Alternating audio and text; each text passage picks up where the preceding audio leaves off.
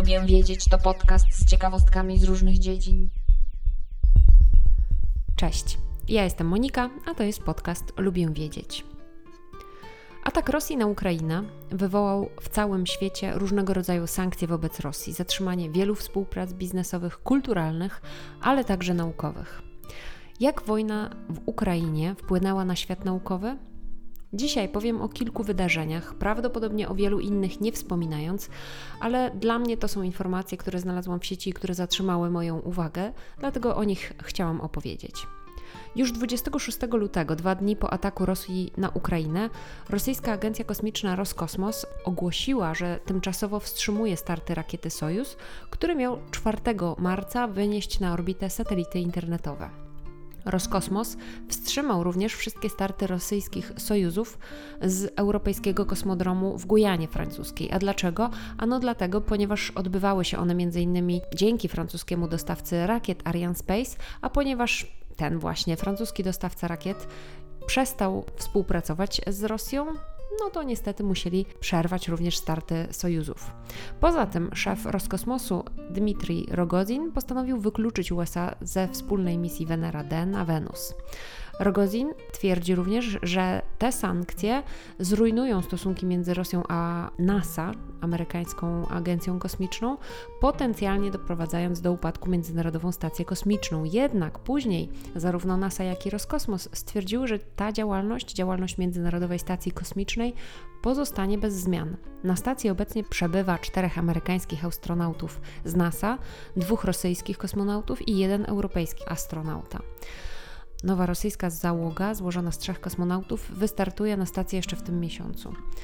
Niemiecka agencja kosmiczna DLR wyłączyła instrumenty do poszukiwania czarnych dziur na rosyjskim satelicie i wstrzymała współpracę naukową z Rosją. Naukowcy DLR ustawili ten instrument, nazywany E-Rosita, umieszczony na rosyjskim satelicie w tryb awaryjny. Sojusz Organizacji Naukowych w Niemczech także zawiesił wszelką współpracę naukową z Rosją. Nie będą podejmowane żadne wspólne badania, ani nie będą finansowane żadne badania rosyjskich naukowców. MIT, czyli słynny Massachusetts Institute of Technology w Cambridge, zakończył współpracę z Fundacją Skolkowo, moskiewską organizacją non-profit, której działania skupiają się na innowacjach.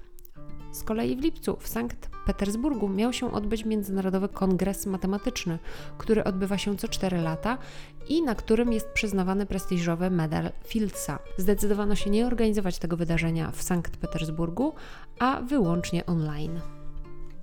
CERN to Europejska Organizacja Badań Jądrowych, do której należą obecnie 23 państwa.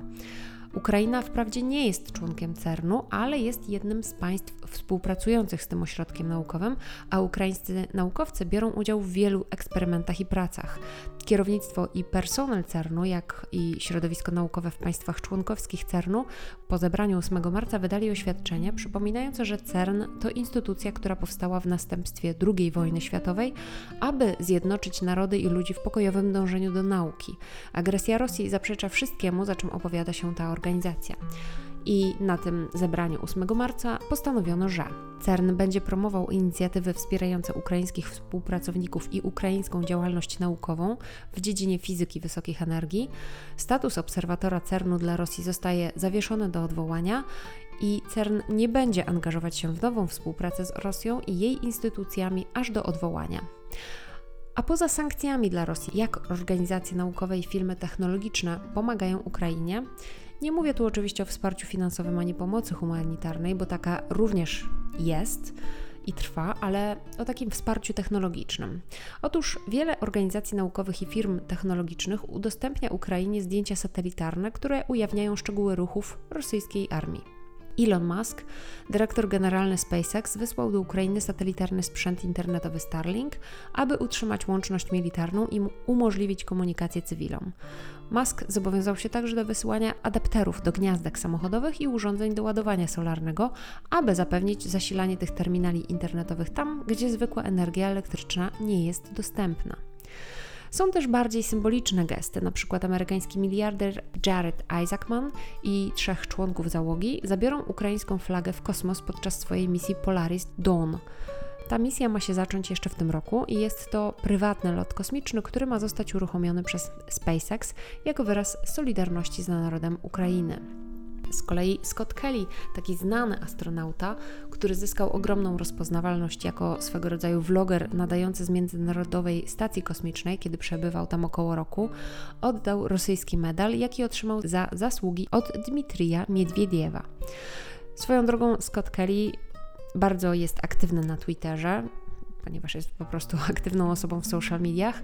No i na tym Twitterze wdał się w dość nieprzyjemną rozmowę z już wspomnianym dzisiaj szefem Roskosmosu, Dmitrijem Rogozinem, w którym po prostu trochę taka pyskówka się wywiązała na temat Rosji i tej inwazji rosyjskiej w Ukrainie.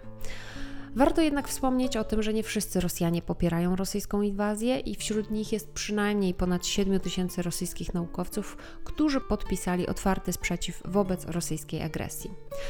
Na dzisiaj to tyle. Ja dziękuję za wysłuchanie dzisiejszego odcinka podcastu. Zachęcam do subskrypcji, do zajrzenia do notatek dzisiejszego odcinka. Zamieściłam tam linki do informacji, o których dzisiaj mówiłam. Zapraszam na moje konta na Instagramie, lubię wiedzieć, gdzie dzielę się innymi ciekawostkami. Mam też Instagrama oddzielnie dotyczącego książek, które czytam i zapraszam na tamto konto Fiszkowa Kartoteka.